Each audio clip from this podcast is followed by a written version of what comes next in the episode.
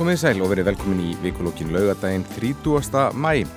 Kvítarsunnudagur á morgun og það var vist stór strengt úr bænum í gær. Margir að leggja landundu fót og kannski þessi helgi verði fyrst í mælikvarinn á hvernig ferðarsumarið framöndan verði. Þar sem ferðarþjónustan þarf að reyða sig nær alfarið á íslenska ferðarmenn.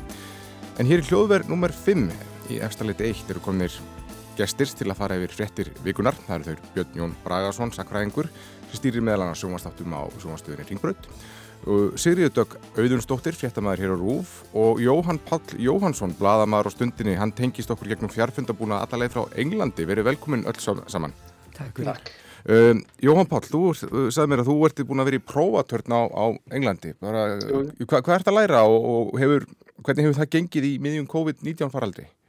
Það er svolítið, það er svolítið erfitt að einbytta sér hérna. Ég er í, í stjórnmála hagfræðin á mig í LSE. Já og náttúrulega öll, öll, fund, öll, öll próf tekinn bara gegnum internetið mm. núna. Það er svona, það er útgöngubann hérna ennþá og búið að vera alveg í, í tvo mánuði sko og svona svolítil jarðarfarar stemning í, í Breitlandi. Já.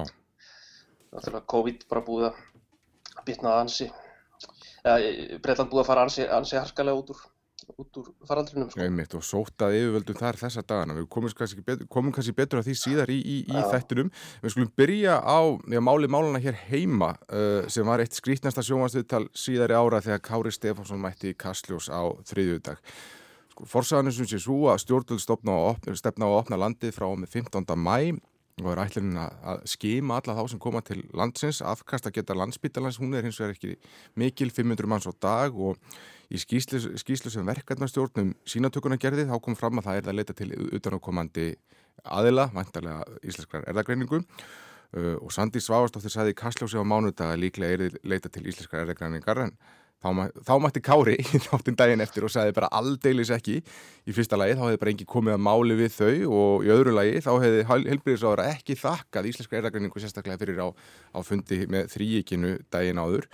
Og hann sagði þarna að Svandís hafði þessi stundum eins og rókafull tíóra stelpa. Og svo í þriðalagi þá einfallega treysti Íslenska erðagreining sér ekki til þess að fara í þetta verkefni nema á sínum eigin forsöndum þar sem þau fengi að setja sín fingraför á, á allt eins og hann orðaði það hann myndi hins vegar taka þáttið Þórólu Guðnarsson sóttvarnarleiknir myndi byggja hann uh, um það og mætti síðan í fund á, í fórsættisraðinu daginn eftir með Katrín og Þórólu og allar vist að taka þátt uh, eftir allt saman hvað getur við sagt um hennan já, leikþátt. Eh, er þetta ekki bara það, Sigriður Dögg? Ég meina þegar að Kári saðist ekki að taka þátt, þá tók maður því með ákveðnum fyrirvara mm. og skildi alveg að hann var fúll. Um, það er svona, þeir eru búin að spila líkil hlutverk í þessu, þessu skimunar verkefnu öllu. Og eins og Svandi saði síðan setna þannig að næsta dag þegar hún spurð um bara indeftur viðbröðum við þessum orðum hans Kára þá sagði hann að við hefðum ekkert getað komist á þann stað sem við værum í dag án íslenskra erðagreiningar mm -hmm. en mhm. hún sagðist ekkert heldur hafa þakkað landsbytalanum í þessari ræðu hún hefði þar verið að þakka því fólki sem var þar fyrst og fremst en það er alveg hægt að skilja svona sárindi kára en eins og ég segi þegar hann segist ekki alltaf að vera með tegum að því samt með fyrirvara þegar því muni hvað gerðist þegar hann fekk ekki mm -hmm. samþekki persónuverndar á sínum ja. tíma þá saðist hann ekki ætla að taka þátt fyrst þetta væri svona ómögulegt batteri og þetta mann, ég mann þetta var á förstu degi og hann vildi fá afgreifslu á þessu, þessu erindi strax eitthvað neyn en það gerist, átti ekki að gerast fyrir mándegin menn þetta var allt svona klappað klárt held ég á sunnudeginum og hann sagðist alltaf ég þetta hattin sinn eða hvað sem þetta var Já. og hérna þetta kom svo sem ekki þetta óvarp, þetta upplaup Uh, hann segir bara það sem hann finnst. Já, svona, það, það er alveg hressandi það þarf að gera eitthvað þess að sem íslensk erðargrinn kemur á máli. Skulum koma að lifa kára, kára gjósa í sjónvarpinu og svo höldu áfram. Það er svona orðið minnstir það hefði alveg hægt að gera þetta betur. Mm. meina, af hverju var Ísland, er, íslensk erðargrinn ekki fengin að borðinu fyrr? Um, hún, hún svaraði þannig að það, það hefði bara verið tekin ákverðin um að það hafa ofinber aðilar stæða að þessu. Kannski voru hún ætlað að gera þetta án þeirra. Mm -hmm en svo kemur í ljós að það er ekki hægt. Mm -hmm. þá neyðist hún innan gæslepa til að leita til þeirra. Og kannski, mér finnst einhvern veginn eins og það hefur gerst. Já, Björn Jón, hvernig, hvernig fannst þér að horfa á þetta? Nei, það voru líka að við förum að þessu aftur í, í tíma þegar þetta er tilkynnt þessi, þessi ferða, ferða, ferða af, afléttingu, þessi ferðara takmarkana. Ma, ef ég maður rétt að voru sex ráþörar en ég finnst blasa við eins og viðbröðum sóttandalæknings í kjölfari að, að þetta var ekki hugsað til enda og, og það, var, það var ekki allir komnir að borðinu og, og svo lýsa blasi við að, að það þarf að fá utan að koma til aðila til að annast þessa skimun sem, getur, sem ég, ég hef ekki heyrt, heyrt talað um að getur verið neitt annan heldur en íslensk erðagrein mm -hmm. þannig að maður skilur gaggrinni kára mjög vel og, og eins líka já maður má alveg veltaði upp sko, hann sakar, sakar, sakar heilbríðismálar á þeirra um, um hróka og ég má alveg veltaði upp hvort að það sé einhver leiti, einhver leiti rétt í þessu sambandi mm. líka En ég hef samt aldrei séð tíu ára hrókafullu stelpu þannig að ég veit ekki alveg með þess að þetta mjög asnaleg samlíking Jóhann Pál, hvernig, hvernig já, Þú vant að segja þetta að, að, úti, hvernig, hvernig finnst þér þetta? Mér finnst það vega, vega ansið ómaklega að, að tíu ára hrókaföllum stelpum. Ég hef aldrei, aldrei, aldrei séð hérna, tíu ára stelpu sem er jafn hrókafull og, og gamli menn e, eru, eru mjög oft. Komur hörðustu áttröldi, það ekki smá? Já, en hérna, já þetta er svona, þú veist, að einhverju leiti má kannski segja að að Kári hafi verið að, verið að kalla eftir því að, að, að sóttvarnarleiknir hefði svona yfirhöndina svolítið um það hvernig þessu er í stífstöllu sem mm. er þá jákvæmt. En sko, mér finnst það pínur rugglingslegt á því ég held einmitt að þessi hugmynd um að um hérna, um reyna að laða ferðamenn til landsins uh, til að skima þá væri einmitt svolítið komin frá, frá einmitt Kára og, og Díkott eða þannig var allavega sett frá þessi fjölmiðlum fyrir, fyrir nokkrum vikum sko og þess vegna koma þessi viðbröð hans svolítið á, á óvart. Mm -hmm. Svo, svo, svo tventi í þessu sko. Annars vegar, við erum með veirufræði deilt, þannig að rannsóknabatteri hjá landsbyggdalanum sem er vist ekki í góðu húsnæði, ekki nóg mikið starfsmönnum, ekki nóg góðu tækjabúnaður og ég har bara fullt í fangi með að skema alls, fyrir alls konar veirum og, og bakterjum og, og á, á þessari rannsóknastofu. Um, þau reikna út eða einhver reiknar út að það kosti 50.000 kall, 30-50.000 kall á haus hver skimun mm -hmm. fyrir þetta batteri. Þegar Kári segist geta gert það fyrir 3.000 kall og Kári uh, er með uh, tilbúið sett upp til að skima, ég veit ekki hvað hann skimaði, 2.000 manns uh, í þessu verkefni sem við erum búin að taka þátt í af hverju eru við að setja heilbreyðstarfsfólk sem að allir vita og þú veist það er bara búið að vera umræðan undanferðin missir og ár að það er ekki nóg mikið af því mm. hverju eru við að taka heilbreyðstarfsfólk úr sínum verkefnum til þess að skema á keflauguflöðli þegar það er verkefni sem díkótt gæti synd án þess að trubla starfsemi spítalans mm. Uh, eitt af þessi kannski bendir til þess að það sé nú samt bara eitthvað svona persónlegur ágreiningur í þessu er að Kári fer í fórsættisráðundi daginn eftir, fundur hann með Katrínu Jakobsdóttur og Þórólfi Guðnarssoni og að því loknu og kemur í ljós hann alltaf taka þátt en þetta verði þá uh, undir fórsættisráðunendinu og, og hann orður þetta eitthvað þálega að það þurfi þá að byggja eitthvað upp traust við heilbyrðis áraðundi að við erum þeirri stöðu að verðist bara vera einhver persónur ágrinningur sem, sem stendur mennum fyrir í þessum Ka Katrín var líka, Svandís var líka mjög gætin í yfirlýsingum í kjölfari það var greinlegt að það þurfti, þurfti að miðla málum á milli, milli manna. Mm. en, en þú veist að tala um eins og með eins og með íslenska erðangaringu í þessu sambandi að, að eins og við vitum að þetta hefur aldrei verið, verið hægt með þessum hætti nema því þeir komaða málum og og, og það kannski sína okkur líka að, að, að, sko, að við, við náttúrulega meðum líka treysta, reyna að treysta betur á engaframtækið í, mm. í, hérna, í helbriðismál mm. Eins og, eins og, sést mjög vel að þessu. En, en það er síðan kannski annar partur í þessu er það, Kári kemur í sjónvarpið og við þekkjum öll Kára, hann uh, snertir einhverja tau hjá fólki með þessari hrissingislegri framkomu við fyrirgjónum þó, þó, þó, þó hann hægir bara sér eins og dóni eins og hann gerði þarna. Um, en við gleymum því svolítið að Íslensk erðagreining er bara enga fyrirtæki uh, sem er í eigu Erlends enga fyrirtæki mm -hmm. svo það, bara, það vinnum við það að framleiða liv og fá enga liv á, á, á livjum sem byggir meðal annars á rannsóknum Íslenskar erðagreiningar varan sem Íslensk erðagreiningsselur eru bara upplýsingar um okkur, sínatökur spurningarlistar og svo framvegis um, eru við óþarlega svona andvaralegu skakvart því Já, ég held að verði að hafa í huga að hérna, það eru, eru viðskiptahagsmunir undir hjá íslenskri erðagreiningu. Fyrirtæki er ekki, er ekki bara að gera þetta af, góðmiðinsku einni. Mm.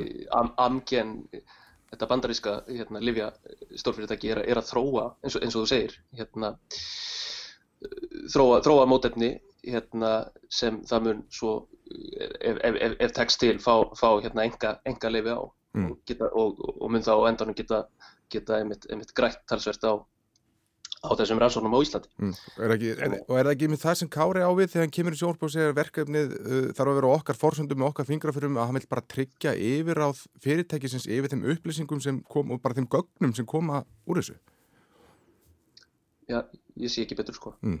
Nei, mér að það er að segja alltaf allir livja eðnaður náttúrulega verið ekki til, til komur og allir þessam stórstífu framfæri í livja eðnað nema, nema því að það væri hagnaðarvon og, og uh, og náttúrulega menn þá að gefa upplýst samþyggi fyrir, fyrir þáttöku í þessu, það er náttúrulega ekki þvingar til sín sínatöku og, svo, og, þar þarf hann eftir gödunum sko. Og svo er þetta líka náttúrulega þegar náttúrulega fyrirtæki lítur þetta íslenskum lögum sem eru mjög ströngi í þessu efni mm -hmm. en ég held að það sé ekki, ekki ástæð til að hafa, hafa áhyggjur á því sérstaklega mm. En nú er amgen náttúrulega að reyna að þróa til dæmis bara bóluefni við, við uh, COVID-19 og byggja það meðal þessum upplýsningum ættu Íslands stjórnvöld að fara fram á einhvers konar uh, tryggingu fyrir því að, að lifið yrði gert uh, aðgengilegt fyrir almenning Það er alveg spurning hvort að, hvort að, hvort að Íslensk, Íslensk stjórnulegi setja ykkur skilirði fyrir, fyrir aðkomu íslenska erðagreiningar en þá kemur áttur á móti að við hefum aldrei geta, geta skíma svona marga og, og, og staði svona vel að þessu málu nema, nema út af, af íslenskri erðagreining mm -hmm.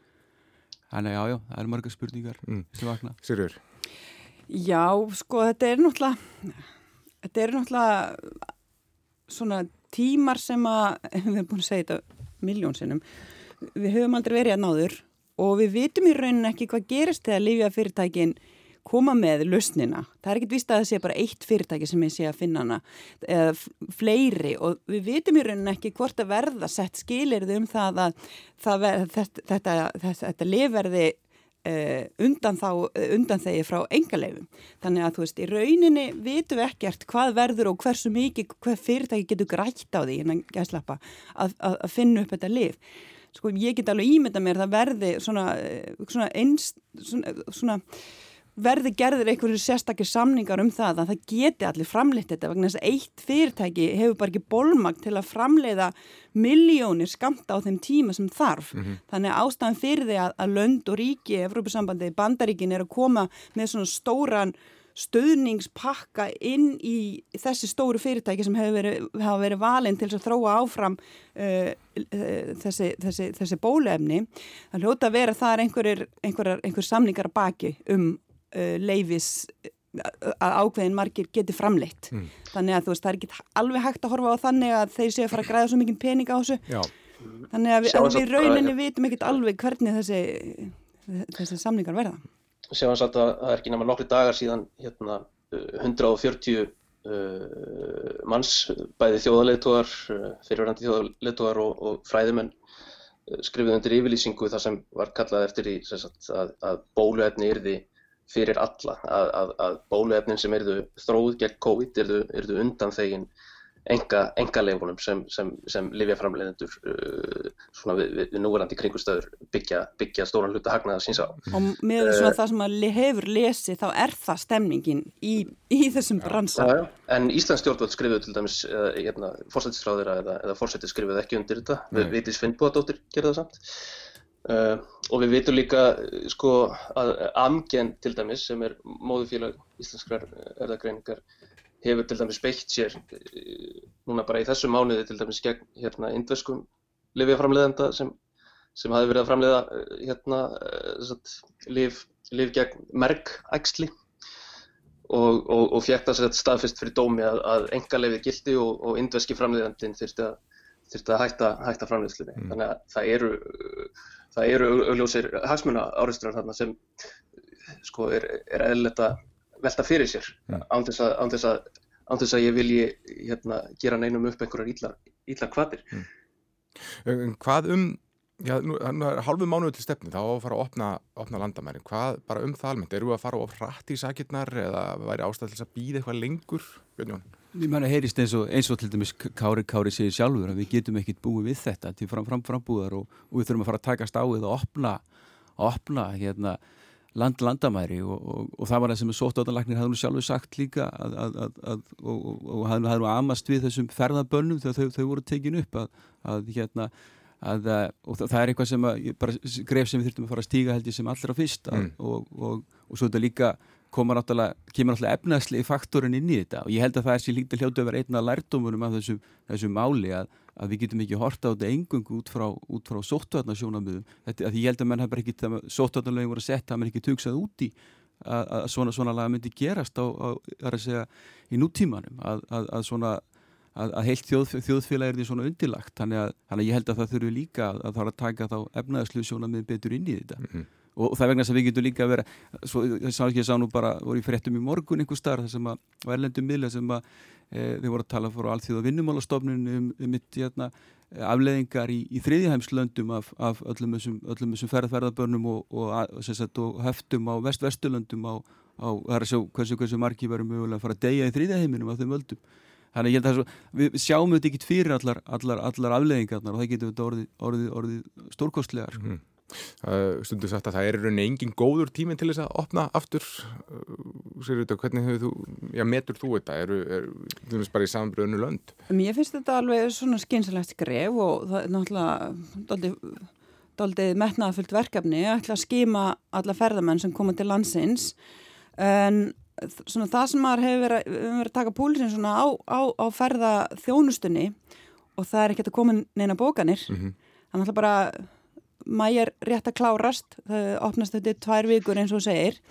Það er engin flug komin að dagskrá nema æstandi er þannig frá 1. júli þegar Danirnir er ætla að fara að opna svona að luta til að mista kosti og, og getum farið til Nóri, svo eru kannski fleiri lönda um, svona detta inn eitt af öðru mm en uh, flugfélagin er ekkit rosalega fljót að reyfa sig og var, við tókum viðtal við eh, fórstjóra eh, verk, eh, sviðstjóra Ísafja í vikunni og, og þau, þau nefndi ykkur tvö flugfélag sem væri svona að skoða eitt að fljúa til Milano og annað, eitthvað annað þannig að það er ekkit brjálagslega mikið að gera þannig ég er ekkit að sjá það sem einn svona fara að ná þessum 500 manns á dag fyrstu dagana mm. og jáfnvel ekki bara í tvær vikur og það gerist kannski eitthvað aðeins meira fyrsta júli, það er svona dagsetning sem að kannski fleiri um, íbar, hugsanleir ferðamenn hafa svona bak við eira, það eru mörg önnur lönd að opna.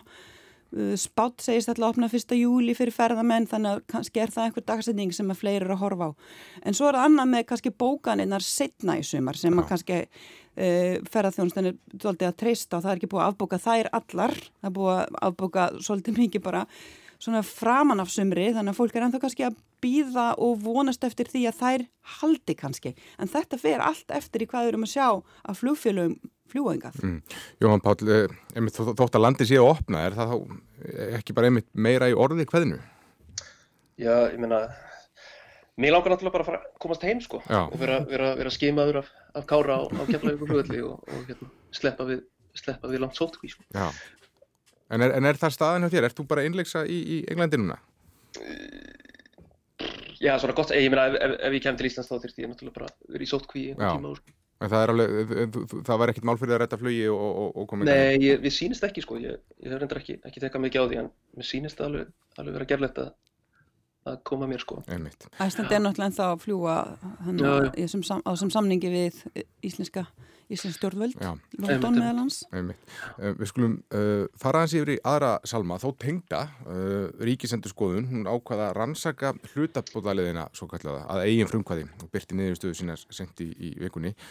Og þar kom meðal hans fram að það veri þörfa á betra eftirliti með hlutabóðaliðinni og það væri jafnvel dæmi um að fyrirtæki væru að reyna að hækka laun afturvist svona í þeirri vonum að, að geta svona fengið meira úrinni um, Hvernig eftir áhengi, allt náttúrulega gert í miklum flíti og, og mennarinn að sjá hluti fyrir sem er ekki hægt að sjá fyrir en hvernig finnst ykkur að hafa, ja, þessi, þessi aðferð hafa bara virkað, Björnjón? Við slíka, kannski horfum við líka bara á umröðan að við stum vera mjög sérkennileg mm. vegna þess að, að fyrirtæki voru beilin skvött til þess að nýta sér þetta sí, en síðan hafa margi komið fram í, í sko heilari vandlætingu á, á fyrirtækjum fyrir að hafa fyrir, fyrir að, já, jábel og saka sakaðu um, um, um, um, um, um siðleysi og, og þar fram með til gödunum, það er að segja þegar, þegar velstödd fyrirtæki hafa nýtt sér þetta. Og þá spyrir maður sig á móti, var þetta, það er að segja eru þá úrraði stjórnaldi engungu allir fyrirtækjum sem eru illastödd? E, já, það kemur fram í öllum lögskýringagögnum, það kom fram já, í máli fórsættir á þeirra, fjármálar á þeirra allra e, nánast sem að töluðum þetta mál frá upphafi að auðvitað er þetta úrraði ætlað fyrir fyrirtæki sem eru illastödd. Þá spyr maður... Ríkistyrk fyrir alla? Nei, nei, nei, ég myndi, það er sem að meldi meldir heila fyrir sér að þess að algjörðir, það er að segja þess að þetta ástand sem búið núna er almennt, það er að segja Það er að segja að það snertir öll fyrirtæki og, og, sner, og snertir alla landsmenn og þá veltum við hvort að aðgerðin er að ekki bylnins átt að vera að vera almennar. Mm. Það er að segja í forminni, formi þess að, að, að, að segja skattalækana til dæmis.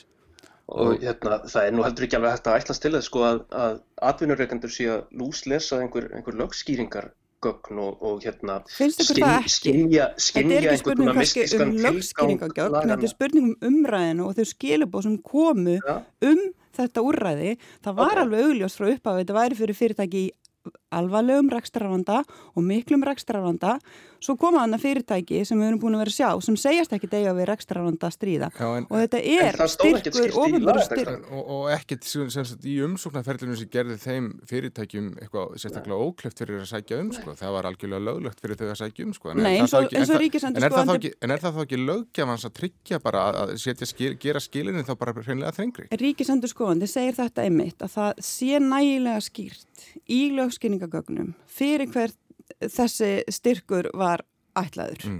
eða þessi greiðsla og ríkisjóði og það sé mjög einfalt að færa rauk fyrir því bara með því að benda á lögskyningagögnin en hins vegar hafi þurft að skýra það betur í lagatekstanum þó svo að hann segir að það, það dugir til þessi lögskyningagögn mm -hmm. fyrir vinnumálastofnun til þess að geta uh, í rauninni krafið þessa þessi fyrirtæki um skýringu og jafnvel sinja þeim. En það sem hann bendir líka á, kannski er staðisti hlutin, staðisti þátturinn í þessari gaggrínans, er að vinnumálstofnun hefur ekki verið að sinna þessu eftirliti og það hefur uh, bara verið umræðin undarfærið að þau hafa ekki ætlað sér að gera það fyrir nýj haust, bara það hafa ekki bólmægt til þess, en það sem var bent á, það yrði að vera samtíma eftirlit með öllum þessum fyrirtækjum í staðin fyrir að segja eftir á að þau fyrirtæki verið að borga geta tilbaka, það getur verið flóknari heldur en einfallega að sinja þeim um, um heimil til þess að fara þessa leið. Mm. En í þessu frumvarpi sem að er núna um framleggingu hlutabóta leðarinnar, þar er ekki tekið uh, hveðið skýrt á um þetta nákvæmlega, þessa samtíma, þetta samtíma eftirlit uh, vinnumálustofnunar talaðum, uh, ráð þeirra talaðum það í viðtalum okkur í, í gærkvöld eða fyrrakvöld að hann hefði veitt það, það væri 30-40 nýja starfsmenn komnir og ef að vinnumálastofnum myndi byggðum meira starfsfólk þá er þið veitt til þess fjármagn. Mm. en og vinnumálastofnum segist vera að fara að stað með uh, þetta eftirlit en það er raunin það sem vantar. Sko ég verði að taka svolítið undir með bytni í jónum, mér finnst svolítið eins og, hérna, eins og sagan um hlutabótaleðina hafi verið svolítið endurskrifuð sko, að því laugin voru viljandi hönnuð þannig að þau voru rosalega opinn til þess að virknið þeirra væri sem mest. Og fyrirtæki voru kvött til þess af samtökum aðrunlífsins í samráði við stjórnvöld að starfsmenn eru settir í hlutastarf frekar en sett upp.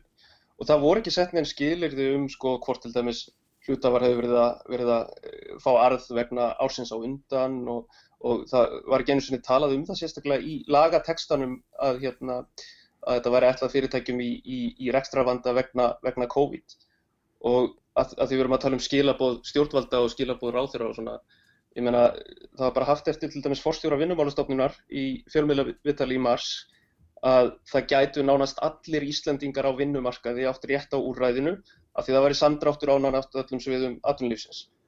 Uh, svona tólkaði vinnumálastofnun lögin bara alveg frá upphafi, þetta er þegar það er nýbúið að setja lögin og svona tólkaðu þetta fyrirtækið þannig að mm. uh, Annað úrraði sem, sem ríkistöndin uh, ákvaða að fara að það er að greiða ekki bara hlutabætur heldur líka uppsagnarfrest um, hjá, hjá fyrirtækjum og nú hefur það verið gaggrínt að ASI er að gaggrína það núna að það sé í rauninni verið að hvetja til uppsagna frekar en, en uh, viðhalda ráningarsambandinu eins og markmiðið með hlutabótaleðinu var.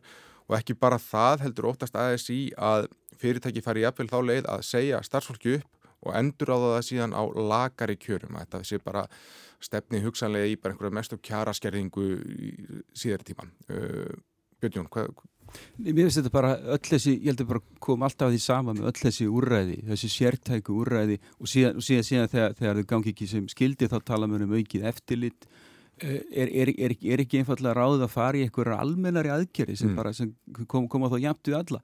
Og eins og því vorum við líka að tala um að, að, að, að þetta, þetta hefur frekar verið hugsað fyrir verstöð fyrirtæki.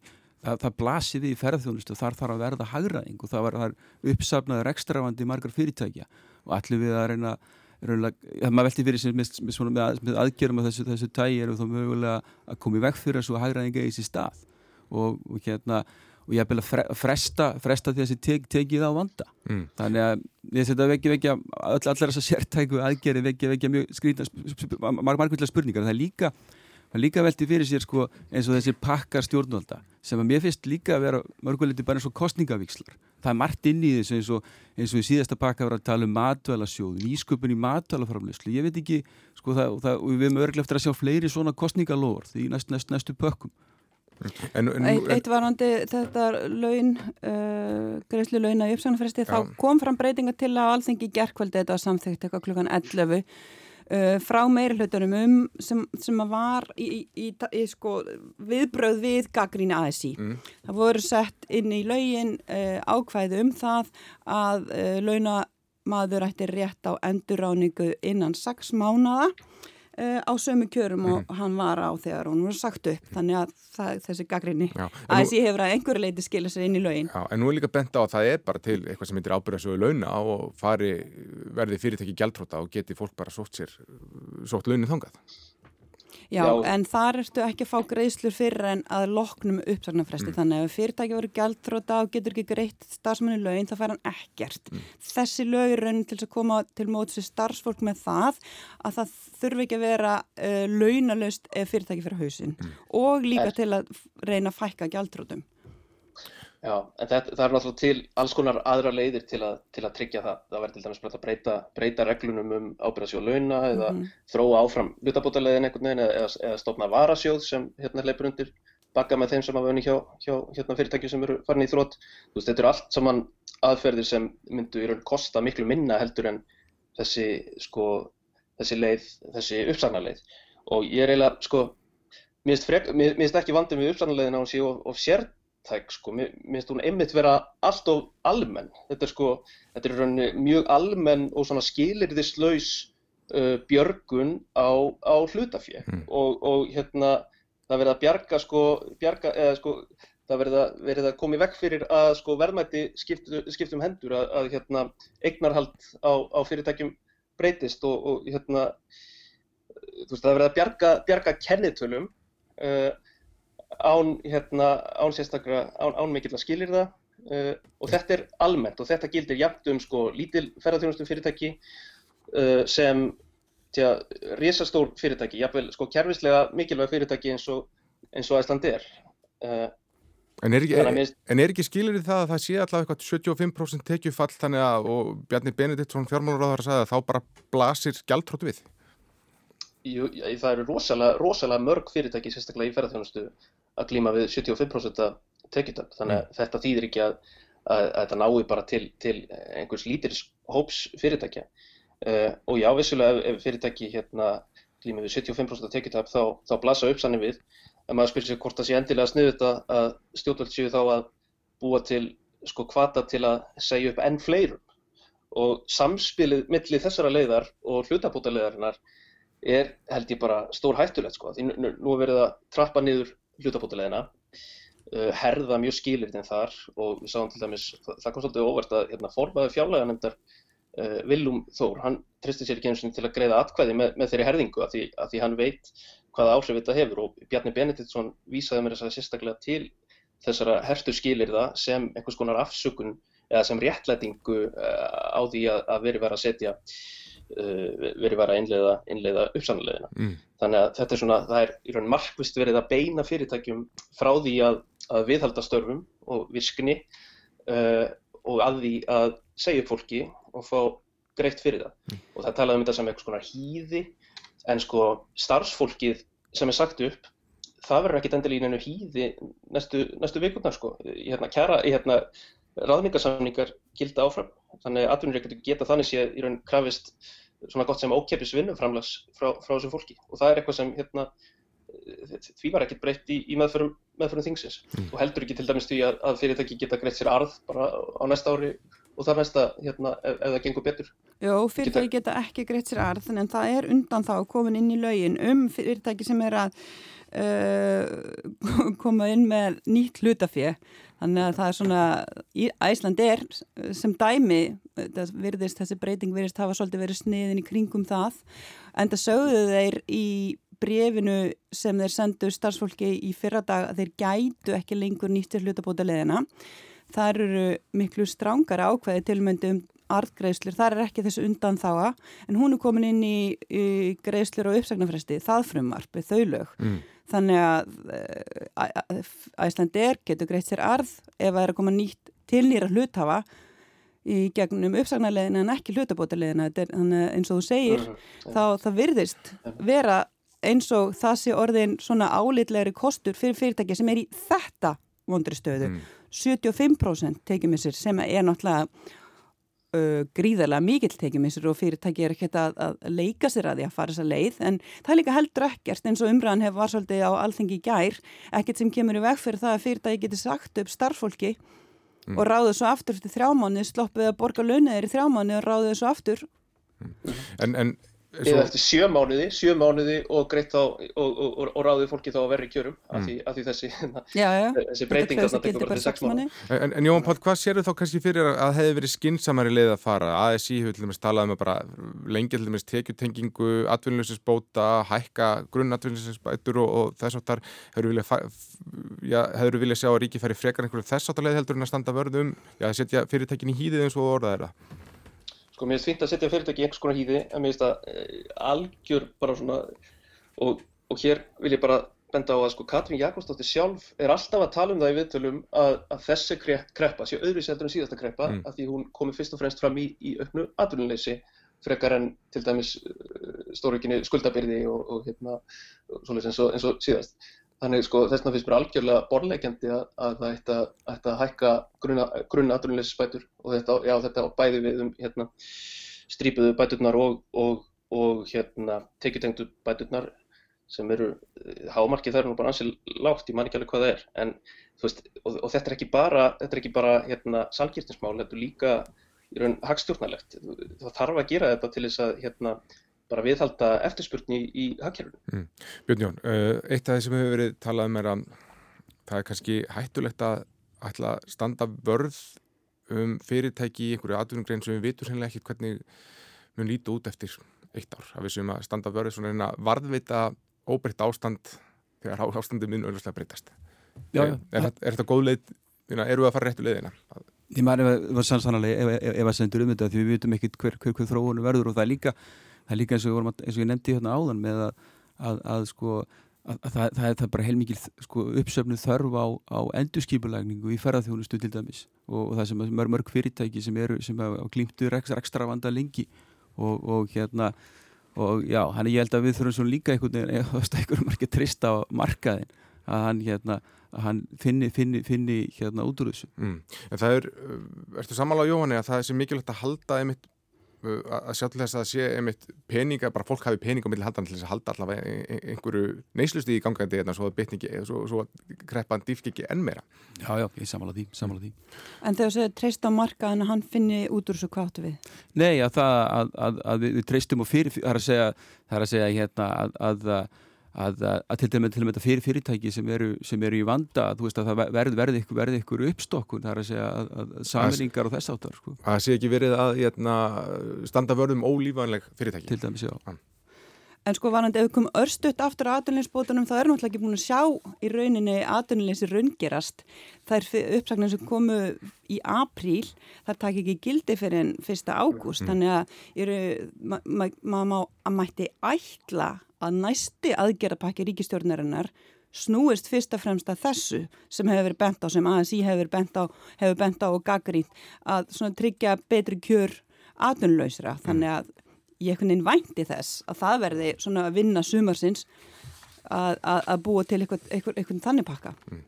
Uh, mér langar að fara vestur til bandaríkjana þar sem það er alltaf sjóð uppur uh, í Minnesota í kjölfara þess að lauruglumar drap feldökkan mann við handtökum með að þrýsta nýjasínu á hálsans mínútum saman. Myndband af ódæðinu fórins og eldur í sinu á netinu. Það er mikil mótmæli og óerðir í Minneapolis og Donald Trump hefur einhvern veginn tekist að hella á ólju á eldin með meðlans með umvalum um að grip, með gripdildum þá, þá verið byrjað að skjóta um, og maður er bara svo, svolítið óttaslegin um, um ástandið þarna Sigur Dögg. Já, the, when the looting start, the, starts the shooting starts. Hvað á hann við?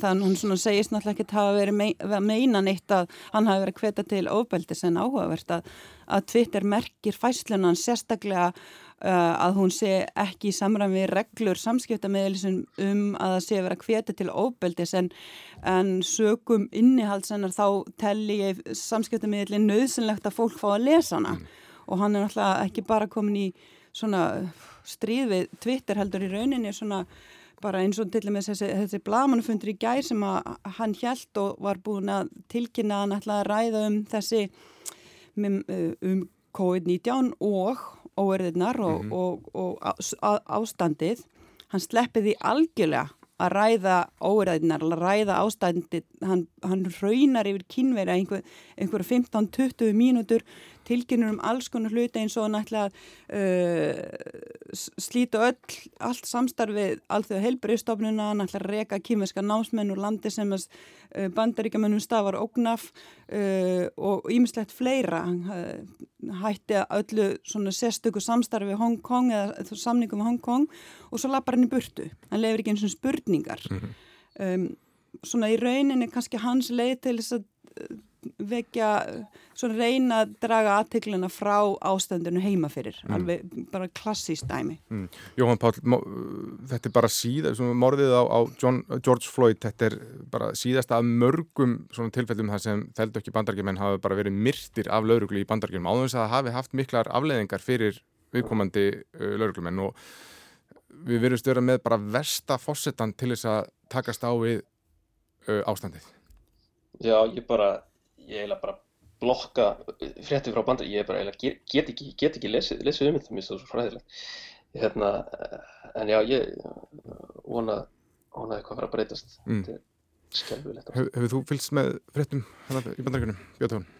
Já, það, það er allir svo, svo fósittin fósittin sé að hella, hella ólí á eldin en, en þetta er auðvitað líka náttúrulega djúbstæður vandi í bandaríkjum eins og við þekkjum líka með, með, eh, með, með eh, þeldögt fólk í fangelsum sem er mhm. alveg, alveg, alveg sem er kapitul út af fyrir sig. Og hvernig, hvernig og, hérna, og reynlega hvað þetta eh, kynþátt að hatur verið störa djúbstætt við það, því miður. Og, og ég mynd líka, og það er enda fleiri þegar það er óverðnar eru hérna fyrir fáinum árum hvað, þreymur árum mm -hmm. þegar, þegar hérna, og yfirlýsingar fósittans þá sem voru að tala með hreinum ólíkjendum og hann skulle ekki, skulle ekki tala, tala skýrar uh, og að ford, fordæma með skýrar í hætti uh, hérna, aðgerðum með, með slíkar aðgerðir mm. Það er svo ömurlegt að í svona ástandi sé fórseti sem getur ekki staðið með um, þeim sem við verðum að brjóta á það er svo nöðsynlegt í svona ástandi að hann gerir það en hann getur það ekki vegna þess að hann er ekki þar mm. þannig að við veitum ekkert hvert þetta fer mm. Svo er einmitt annar armur að þessu sem þú komst inn á áðan Sirjúdag, það er Twitter og hvernig það hefur ákveð að hlutast til um Twitter-fæslur mm -hmm. fórsetans ef það er innihalda að þeirra mati villandi upplýsingar eða hugsanlega kvartningu til ofbeldis og þetta hefur uh, getið að sér aðra umræðu um yfir á rýtskoðun uh, fjölmiðla, samskiptamiðla eins og Twitter og þess að sem, já, annars vegar menn skipta sér fylkingar annars, annars vegar er sagt að þetta sé rýtskoðun og svo aðrir segja, nei, þannig bara eru enga aðeilar að bara setja skilir um það hvernig þeirra vettvangur uh, sé notaður. Það er þess að fósittin alltaf verið áttan sem mikið undir Twitter mm -hmm. og, og, og ég hugsa að, að fyrir fyrir 15-20 árum hefði líklega verið óhugsandi fyrir bandaríkjafósita að komast í valda einfallega vegna þess að, að, að svona, svona hefðbundir fjölmiðlar hefði ekkert sætt sér við, við, við, við að menn kem, kem, kemist upp með alla sömur en hann einhvern veginn í, í krafti Twitter og samfélagsmiðlar hefði kom, komst fram hjá og, og náttúrulega hefur þetta verið mjög ergilegt fyrir, fyrir, fyrir, fyrir svona sko, klassíska fjölmiðla að, að, að horfa upp á mm. og, en, en hann, hann hafa sér mikið undir, undir, undir Twitter sjálfur og sam, samfélagsmiðlunum mm. Og þetta tengist líka umræðum falsfrettir og ábyrg samfélagsmiðlana og, og við veitum náttúrulega hvað gerist í síðustu fórsættakostningum og, og, og það verið svolítið bent á það að samfélagsmiðlani ber líka ábyrg á þeim upplýsningum sem þar byrtast og þetta er kannski ein legin hjá Twitter uh, til þess að taka þá ábyrð að reyna aðeins kannski að merkja þær færslu sem að þeir vita fyrir vísta innihaldi rángar upplýsingar mm. en það vil svo til að þetta er fórseti bandrækina sem að er að setja inn þessa fæslu sem þeir eru að merkja og eins og, eins og þú segir þá hefur þetta verið hans helsti samskiptamáti og þess vegna er þetta alveg sérstaklega gremjandi fyrir hann að þarna fá hann ekki lengur frýtt spil. Mm. Uh, Jóhann Pál, sam, samfélagsmiðlarnir, þetta eru þessir reysar sem gína svo litið yfir okkur öll, bara með okkar samskipti mann á millum fara fram þarna. Hvað finnst þér um þetta? Er þetta eðlileg réttstjórn hjá enga fyrirtæki eða er þetta svona það sem kallar á ennsku slipur í slóp sem getur síðan komið í bakið á hennum almenna borgara síðar? Já, sko þetta er náttúrulega þetta er, uh, takast þarna ásaldið mismunandi sjóna með um, þetta eru enga fyrirtæki sem, sem geta þannig sett, sett þær reglur sem, sem þau vilja og, og hérna fyllt þeim en, en um leið einhvern veginn er, er, er, er þetta orðin bara svo risastór upplýsinga vettvangur og, og, og og þetta eru hálfgerðir fjölmiðlar orðnir. Um, sko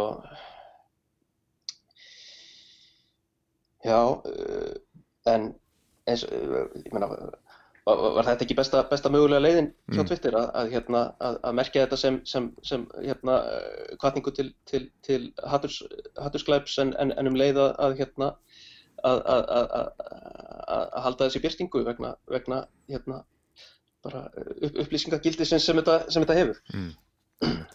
um, Anna mál, svona tengt upplýsingum hérna heima og það var nú svolítið ástæðan fyrir því að ákvæða að kalla til bladamenni í þettinum í dag um, það var mál sem datt sér niður, niður dögt í rauninni í, í gær, það var fórseti hafi uh, sem sagt lagt fram frumvarp um upplýsingalög og það hafi sætt mikill gaggrinni sérstaklega úr frá fjölmjölum uh, það átti að vera svona sé uh, fyrir að takmarka verulega aðgengi bara fjölmiðla og al almennings að upplýsingalögum.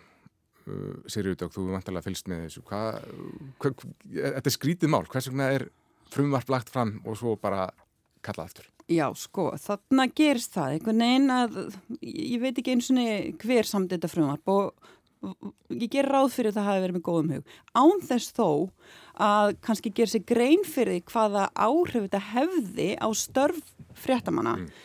um, þarna einhvern veginn er sett inn ákvæði um að uh, ofnbjörn fyrirtæki skuli leita til þriðja aðila um byrtingu upplýsinga eins og ég skilda þeim tengdum uh, áður en upplýsingarnar eru byrtar mm -hmm. og uh, upp Eh, formaði nefndar, úrskur nefndar um, um upplýsingalög eh, gaggrínda mjög harkalega og, og benti á að þetta myndi bara lengja meðferðartíma kærumála sem er nú langur fyrir og eh, fréttamenn, rittstjórar stigu margir fram og sögðu það sama, þetta er bara verið að gefa þessum þrýðaðila sem gæti þarna verið enga fyrirtæki aukin tækifæri til þess að tefja byrting og upplýsingar sem tengjast já, þeim. Og svo ættu líka að rukka fjölmiðluna þess að sem óskar eftir upplýsingunum fyrir öflun upplýsingar. Já, já. Þannig að eh, mér finnst þetta bestamál að þetta skulle hafa verið stoppað einnum. Með, já. En svona skrítið hvað það hafi farið langt, hvað, hvað það gekk langt samt. Sko, ég, það er nokkri, það er, það er svona ársíðan að, hérna, að ég mitt bara uh, var eitthvað, var eitthvað að skróla um, um þingvefin og, og rakst á sko, umsökn samtaka atvinnulífsins um, um allt annað frumvar sem snýrið samt um, um breytingar á upplýsingarlögum og, og gegnsæðismál og svona.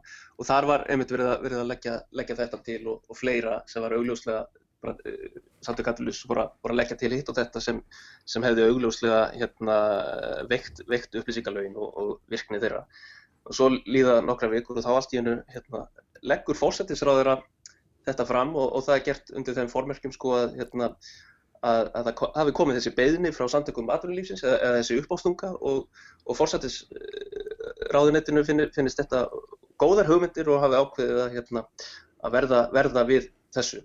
Þannig að...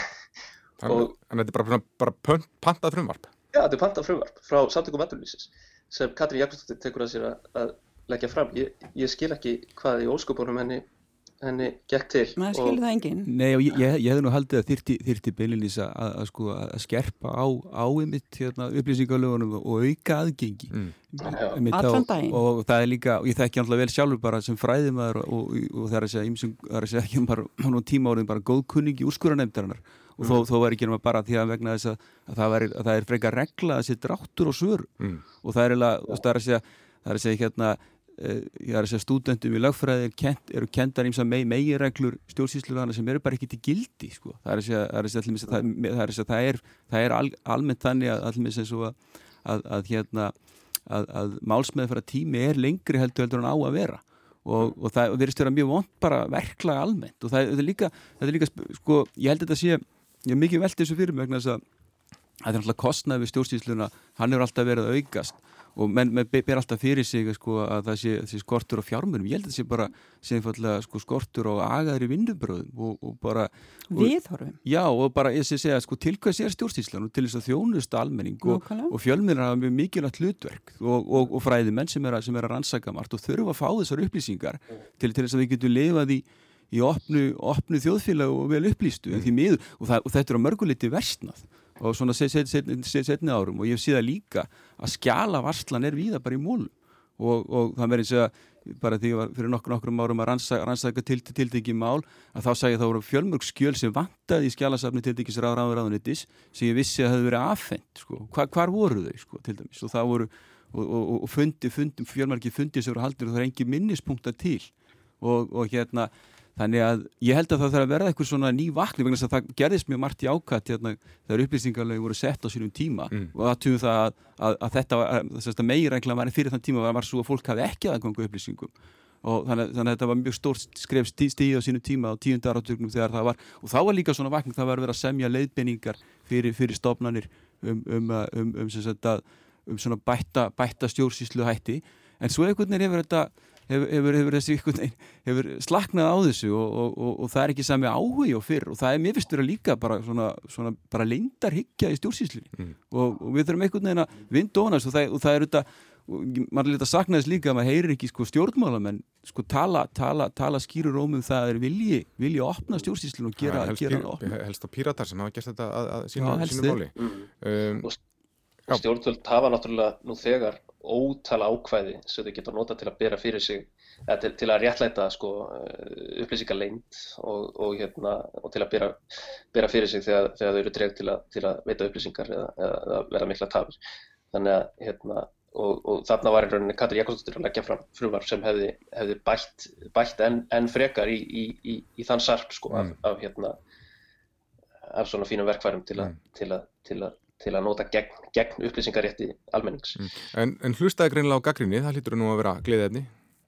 Já, uh, en þetta er ansi sko, sérkennilegt og uh, þetta gerist líkum daginn þegar hérna, Áslögu Arna dósbólaráður að laði fram frumvarpum hérna, um, um, svona, um, um að það var að fara fram á nauðungarsölur gegnum, gegnum síma og svona, það var allt brjálað á samfélagsmiðlum og, og þá einhvern veginn bara hvað hafði hún samráð við nefndina um að, láta, um að fella þetta út? Og, og það er eins með þetta einhvern veginn að það er lagt fram eitthvað al, alveg förðulegt frumvarp sem engi botna neitt í hvað það gengur til með. Og, og svo einhvern veginn bara svona uh, já, hérna er ákveðið að falla, falla frá því. Ég veit ekki alveg hérna hvað svona taktík þetta er. Um, Við erum okkur að koma aðeins inn á samherja á dögunum þá letu aðalendur fyrirtækisins börnin sín eh, frá, frá lungan úr fyrirtækinum verðmætt upp á 20 miljardar króna sem eru meðal annars bundin í kvóta og þetta var gert með einhvers konar blöndu af sölu og fyrirfrangreitum arfi. Og þetta hefur á vonum vakið umtal bara um, um kvótakerfið og, og líka um bara skattlagningu. Eh, það hefur gaggrínt að það sé hægt að færa eignir sem þessa svona á milli kynnslóða en aðri bendi á, en bendi á að það skiptir í sjálf og sér einhver máli hver eigi þessi verðmætti svo lengi sem það eru bara greittar af því bara lögbæðnar hvaðir og, og, og, og göld, Björn Jón hvernig blasir þetta mál til þér? Ég, það, ég, ég meðst þetta svolítið skrítið þessu upplaup þessara stjórnmálamennar vegna þess að náttúrulega hlutabref í, í sjávarótisfyrirtækjum hafa þetta margóft skipt um hendur og mér finnst einhvern veginn blasa við að, að, að þetta upplaup núna tengist einfallega tengist í einfallega að þetta er fyrirtækið samherri mm. en þegar hérna Já, mjög, mjög erfitt, erfitt, að, erfitt að skilja þetta. Og það er líka, en það er líka, það er svona ránkværslir um það, það er alltaf verið að tala um sko að, að, að, að sagt, kvóti sé að gangi arð, það er auðvitað hlutabrið þessu fyrirtæki. Og, og svo er þetta líka hitt að, sko meira að tala um, þá fara mann líka að reyfja upp sko útlutun aflaheimilda og vantalega sko megni af þessum aflaheimildum hafa verið keiftar, það er að segja með skipum í gegnum tíðina. Og það er mikið verið að fá upplýsingar um það, það er ég held að sem, sko, sem 80% hefur maður hirt talað um að aflaheimildi sem hefur skipt um hendur mm. og menn hafa þá, þá greitt fyrir aflaheimildin líka með skipum dýrum dómum Já, þetta er náttúrulega, þetta eru náttúrulega sko stærstu, þetta eru langt stærstu eigendaskipti á, á hlutabrjöfum í bara íslenskri útgerðarsögu sko. Þetta er rosalegt sko. Já, en er eitthvað stránt til tekið aðtúavert við þetta?